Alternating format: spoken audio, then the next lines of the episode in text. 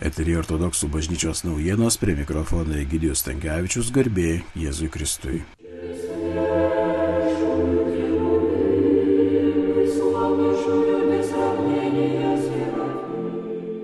Vasario pirmą dieną Šventojios dvasios vienuolynė prieš dieviškąją liturgiją Vilniaus ir Lietuvos metropolitas inocentas Jurijui Vikai suteikė mažuosius lektoriaus šventimus ir palaimino vilkėti sutaną. Jurijus Vikas studijuoja Varšuvos dvasinėje seminarijoje, yra Vilniaus šventųjų Konstantino ir Mykolo parapijos aktyvus padėjėjas, o nuo šiol turi ypatingą lektoriaus liturginių tekstų skaitytojo pamaldų metu pašventimą.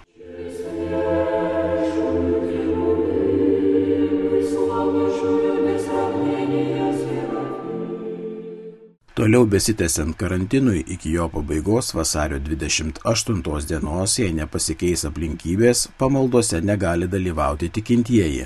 Nors pamaldos vyksta įprasta tvarka, užeiti į bažnyčią galima dienos bėgyje, ne pamaldų metu pasimelsti.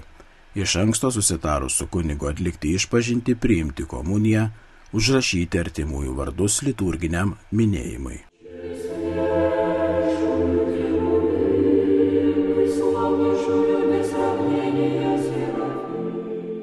Šiandien ortodoksai minė 7 amžiaus šventąjį vienuolį Maksimą išpažinėją ir 4 amžiaus šventąją kankinę Agnietę.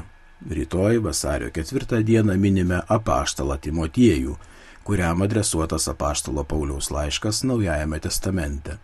Vasario 5 dieną minime 4 amžiaus šventąjį Klemensą, Ankaros vyskupą, bei 5 amžiaus Nolo vyskupą Pauliną gailestingąjį bažnytinių varpų naudojimo pradininką.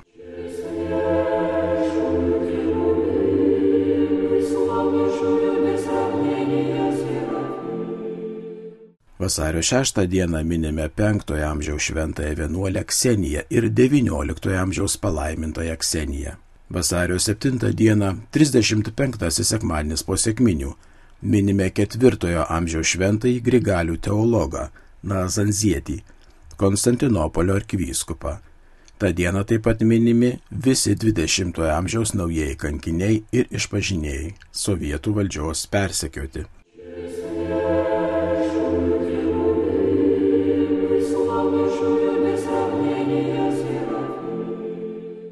Vasario 8 dieną minime 5-ojo amžiaus šventuosius Ksenofontą, jo žmoną Mariją ir sūnus Arkadijų ir Joną. Vasario 9 dieną Šventojo Jono auksaburnio Konstantinopolio arkivyskupo palaikų pernešimo šventė.